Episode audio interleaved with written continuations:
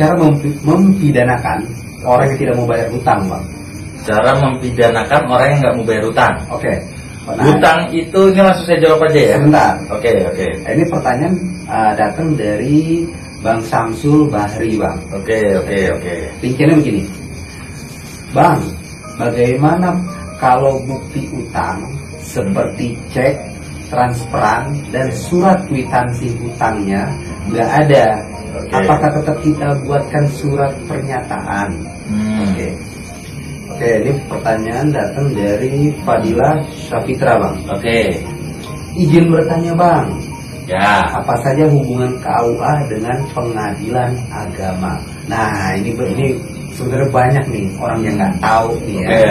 tentang hubungan antara KUA dengan pengadilan agama. Oke. Apa tuh, Bang?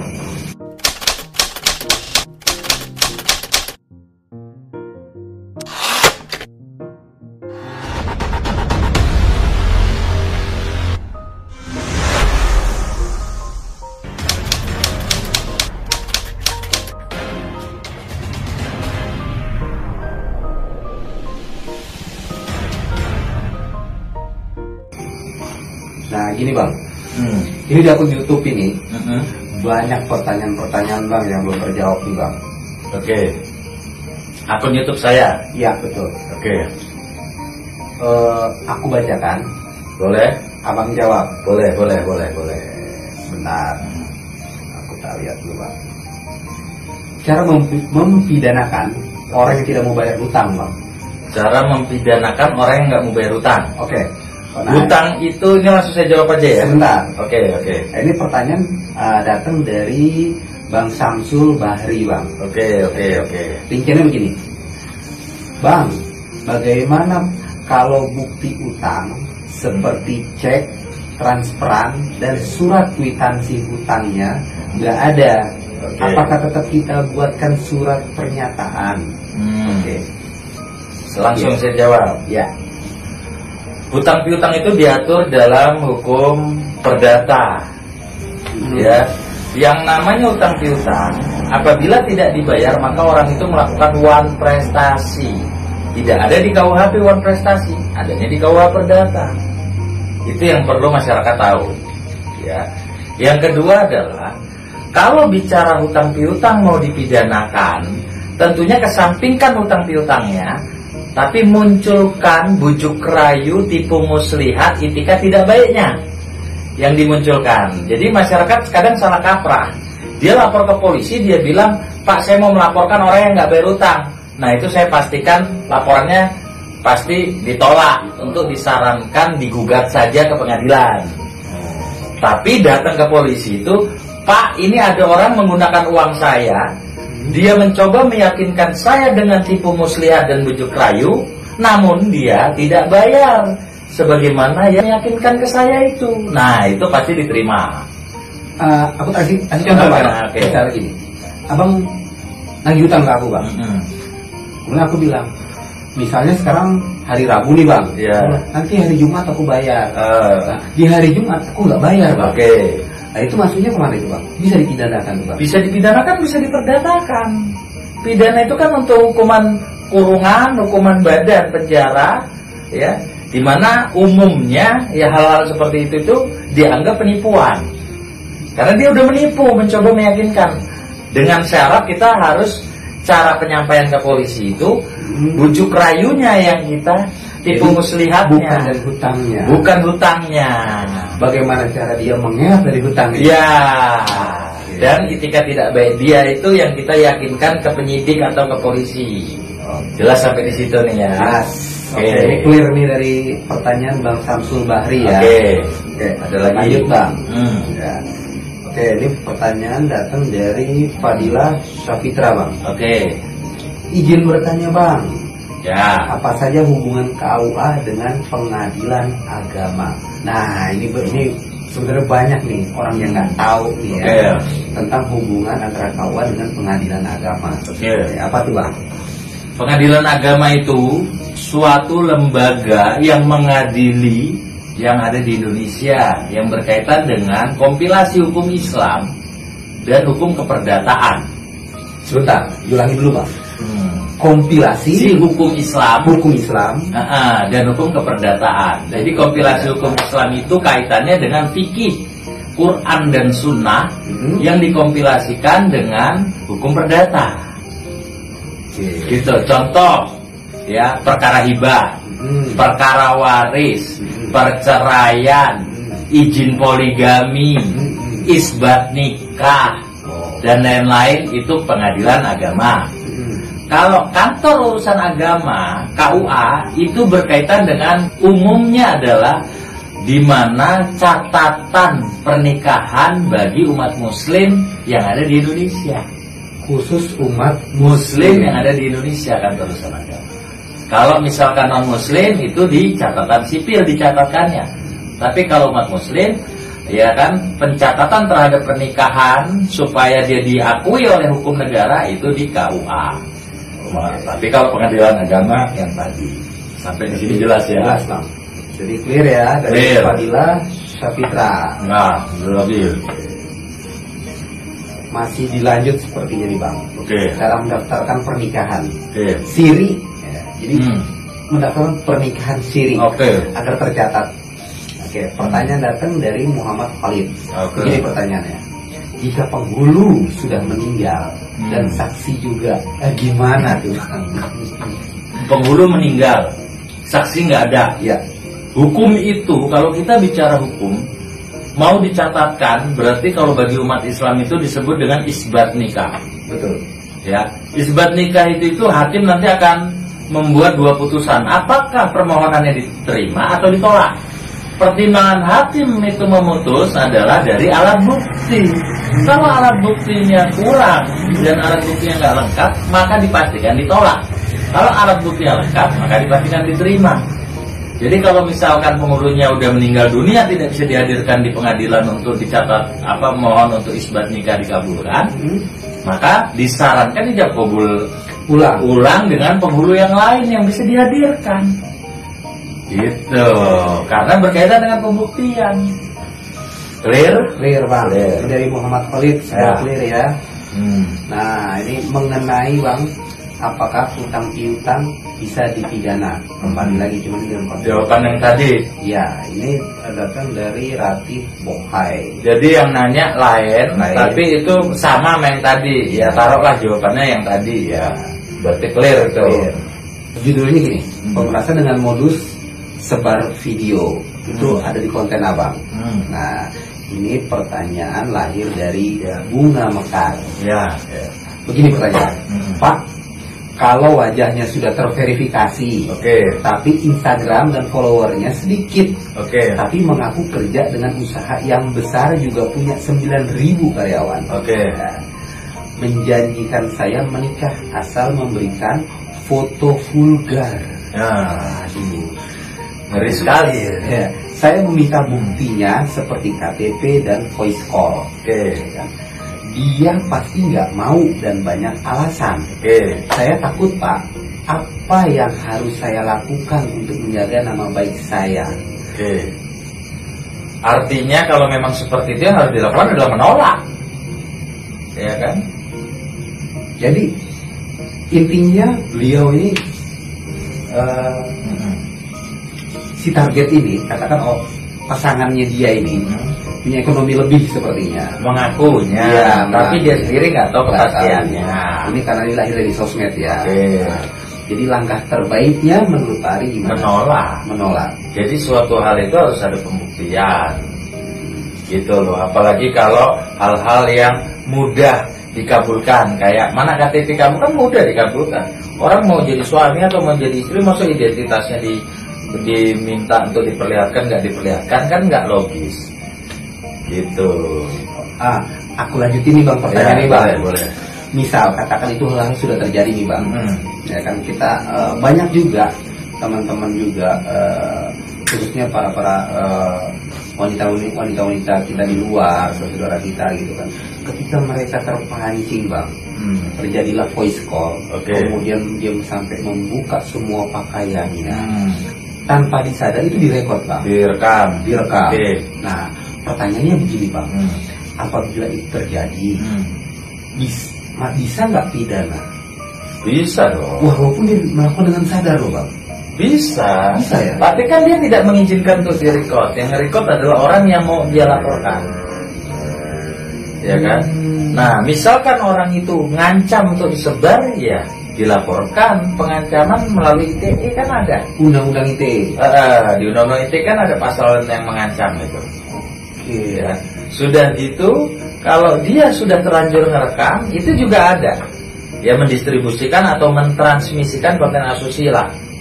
Ya kan pasal 27 ayat 1 Undang-Undang ITE itu. Gitu. Ancamannya kalau nggak salah eh, berapa ya? 6 tahun ya. Hmm. Gitu. Maksimal. Nah, itu bisa. Nah, ada juga sebagian yang khawatir dan bertanya, Bang, itu kan gambar saya. Kalau saya lapor polisi, kira-kira saya kena pornografi nggak? Nah, itu pertanyaan bagus tuh. Ya, bisa iya, bisa enggak. Tergantung kepiawaian dia di saat menjelaskan ke polisi. Kalau pada saat direkam itu dia tidak mau direkam, dia tidak tahu kalau dia direkam dan dia tidak berkenan untuk disebarkan, bahkan dia merasa dirugikan. Tentunya dia korban murni. Korban itu dilindungi ada undang-undang perlindungan saksi korban, nggak bisa dihukum.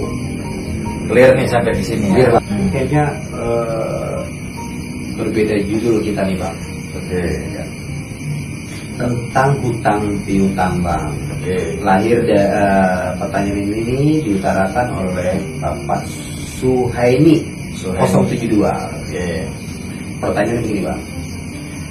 Saya nolong saudara saya minjam ke rentenir. Hmm, Saudara saya sanggup bayar. Oke.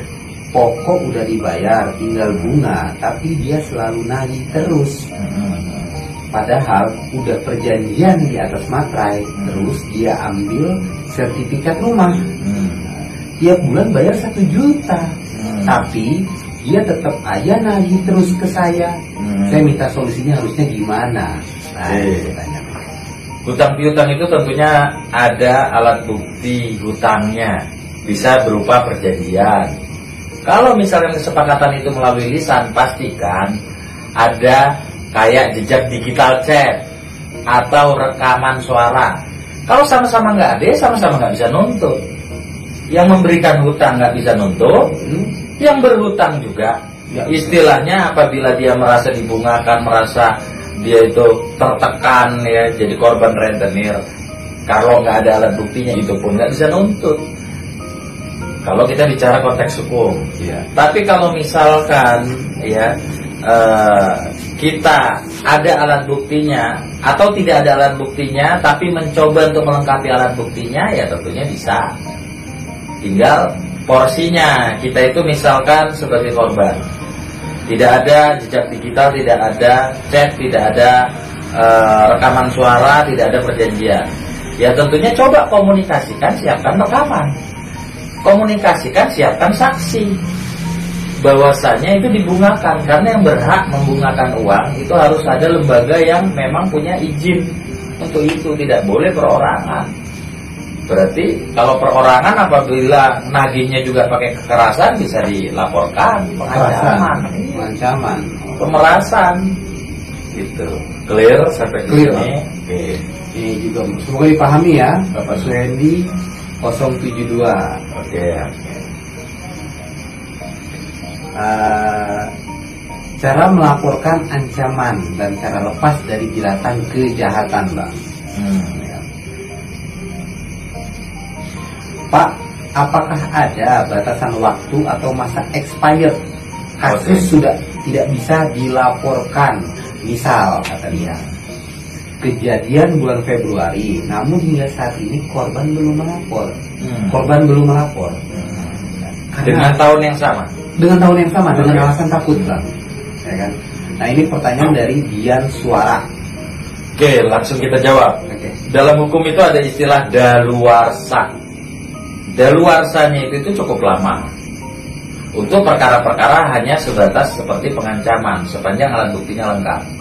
Mm-mm. Beda halnya kalau eh, perkara-perkara penganiayaan itu berkaitannya dengan bukti luka yang nantinya divisum, nggak mungkin ya melaporkan penganiayaan tapi lukanya udah sembuh Karena kan Oh, nanti di visum iya. kan dia Iya, nggak iya. sinkron. Nggak sinkron. Tapi kalau pengancaman, pemalsuan tanda tangan dan lain-lain itu cukup lama bisa bertahun-tahun. Gitu loh. Kalau masih dalam satu tahun yang sama hanya beda bulan. Tapi nanti kalau seandainya. Pak, tadi penganiayaan ya, Hmm. kita visum sekarang. Hmm. Orang itu melarikan diri bang. Ya, si pelakunya katakan Pelakunya. Sudah katakan sudah hampir satu tahun belum bisa ditemukan. Itu masih Sampai dalam- dengan eh, lukanya sembuh. iya.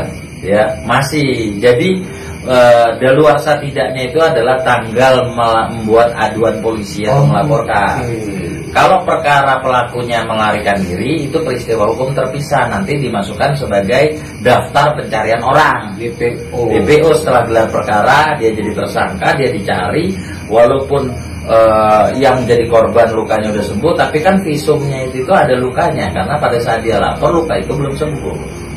Clear sampai di sini ya? Clear, Bang. oke. Ini oh ini pertanyaan sudah dijawab. Ini dari yang pertama yang lahir dari Dajun official Oke. tentang hutang piutang. Apakah bisa dipidana? Hmm. Oke, ini eh, sudah dijawab tadi di pertama ya. Yang pertama sama itulah ya cuman yang nanya beda ya mantan pacar saya ancam ingin sebar catatan aib. Oke. Apakah bisa dipidana? Nah di sini mungkin waktu gini bang baru mengancam nih bang oke. Belum belum belum belum dilakukan penyebaran. Baru mengancam. Apakah bisa dipidana? Bisa. Bisa. Mengancam melalui IT itu bisa dipidana.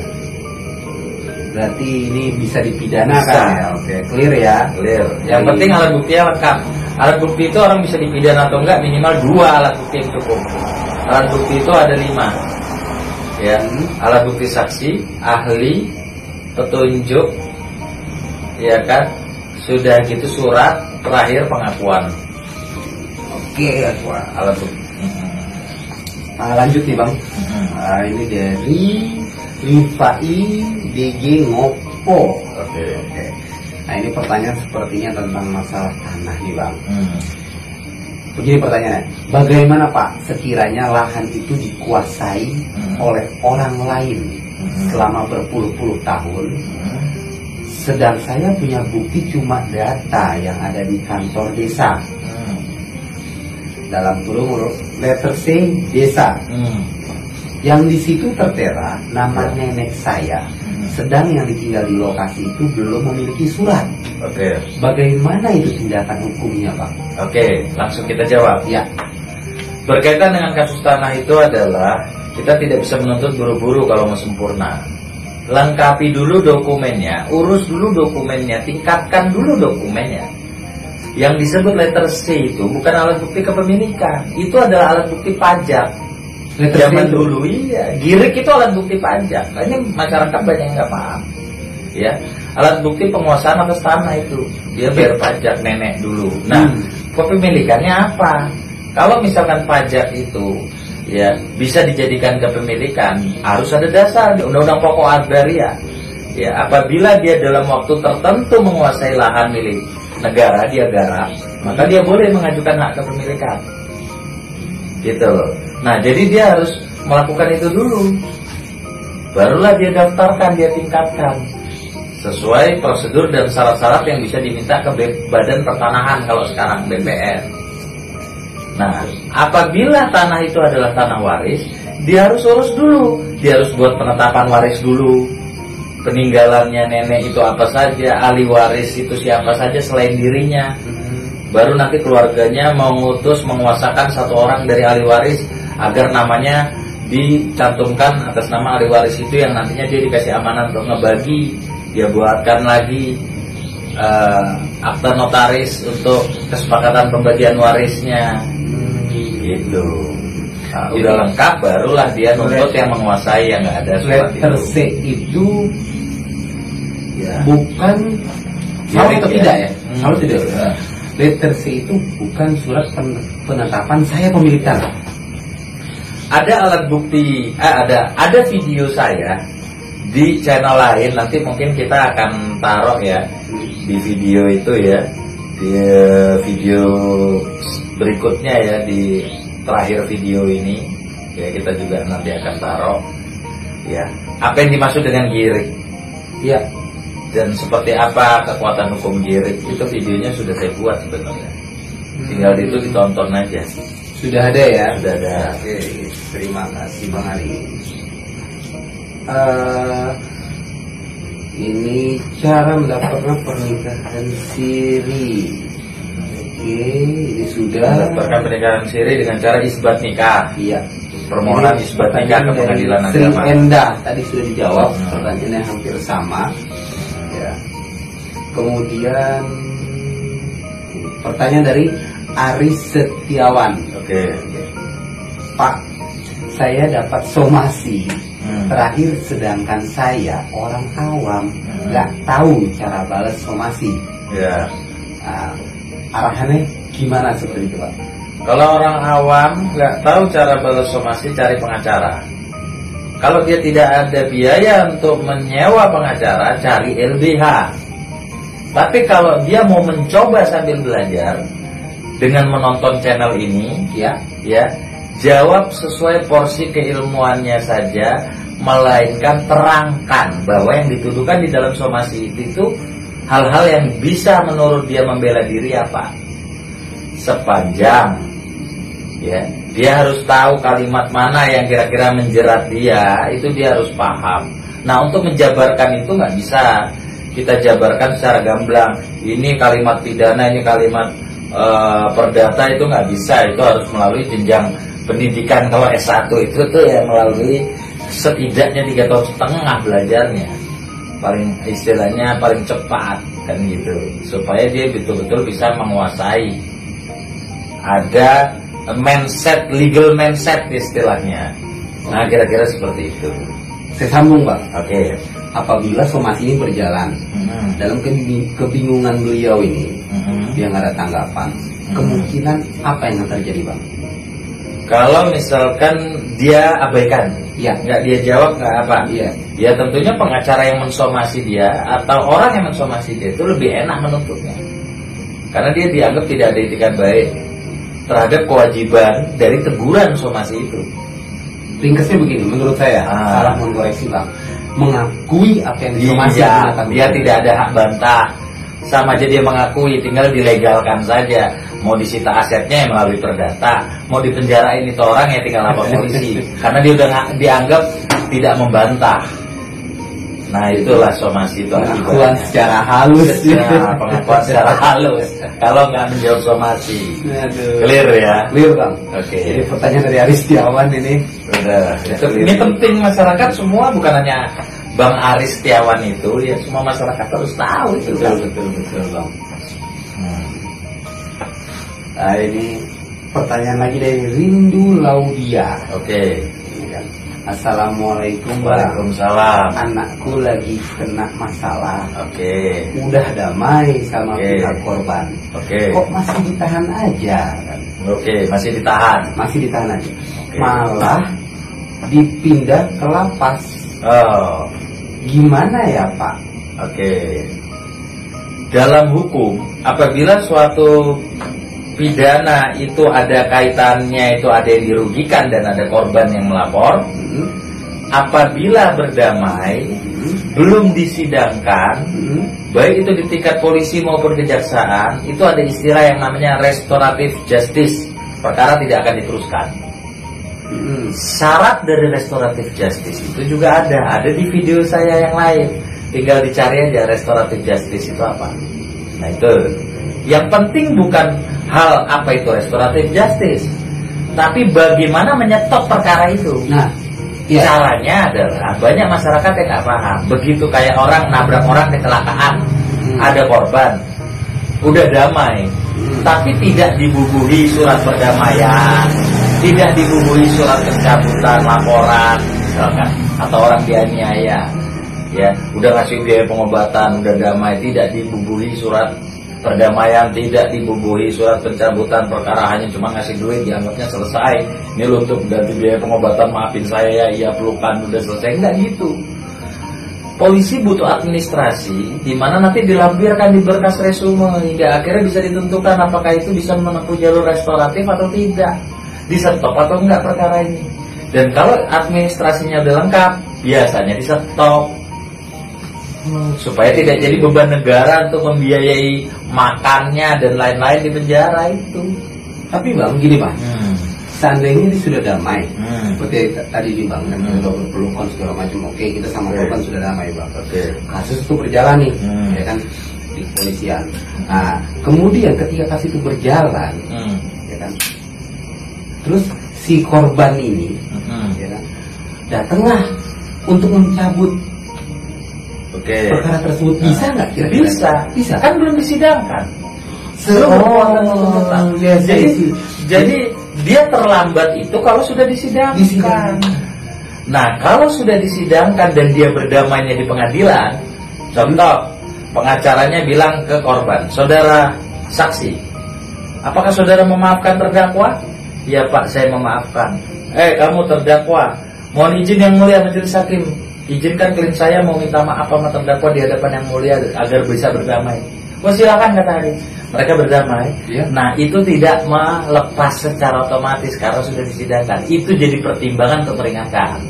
Beda sama belum sidang, Ya. damai, Iya. dituangkan secara tertulis, Hmm. bukti surat itu dilampirkan di dalam berkas resume, sekaligus ada surat permohonan untuk pencabutan laporan polisi itu Mm-mm. atas aduannya itu dicabut dengan dasar perdamaian itu. Betul. Setelah itu ada permohonan restoratif justice. Iya. Nah itu yang bisa nyetop perkara supaya nggak lanjut ke pengadilan. Oke, betul betul. Ini banyak orang nggak tahu nih bang. Ya, Jadi makanya. ketika ada terjadi Perdamaian, ah, perdamaian, kita damai. administrasinya lengkap. Makanya kalau nggak tahu ke pengacara, Rah. itu kuncinya. Dan harus gerak cepat memang. Oke, mungkin ya nih bang. Hmm. Hmm. Udah cukup, Cukup, kayaknya ya. Hmm. untuk Nanti kita akan ini. lanjut lanjut lagi di pertanyaan berikutnya akan masuk. Oke, kalau misalkan ada pertanyaan sebelumnya yang belum sempat dijawab, tolong diingetin lagi di video terbaru ini agar dibuat lagi. Oke. Nanti insya Allah kita jawab. Kita. Mudah-mudahan diskusi ini bisa bermanfaat Amin. masyarakat Amin. dan yang sudah bertanya, ya kan bisa terus pantengin channel ini bahwa untuk bisa selamat dari jerat hukum kita harus punya pengetahuan hukum walaupun gelar pendidikan kita itu bukan sarjana hukum. Betul sekali bang. Memang juga karena negara kita adalah negara hukum, semua perilaku dan perbuatan kita diatur oleh hukum. Jadi kita harus menerima hukum. Sepakat itu. Dan ada moto saya, Apa tuh bang? keadilan buat semua orang dan semua orang harus merasakan keadilan.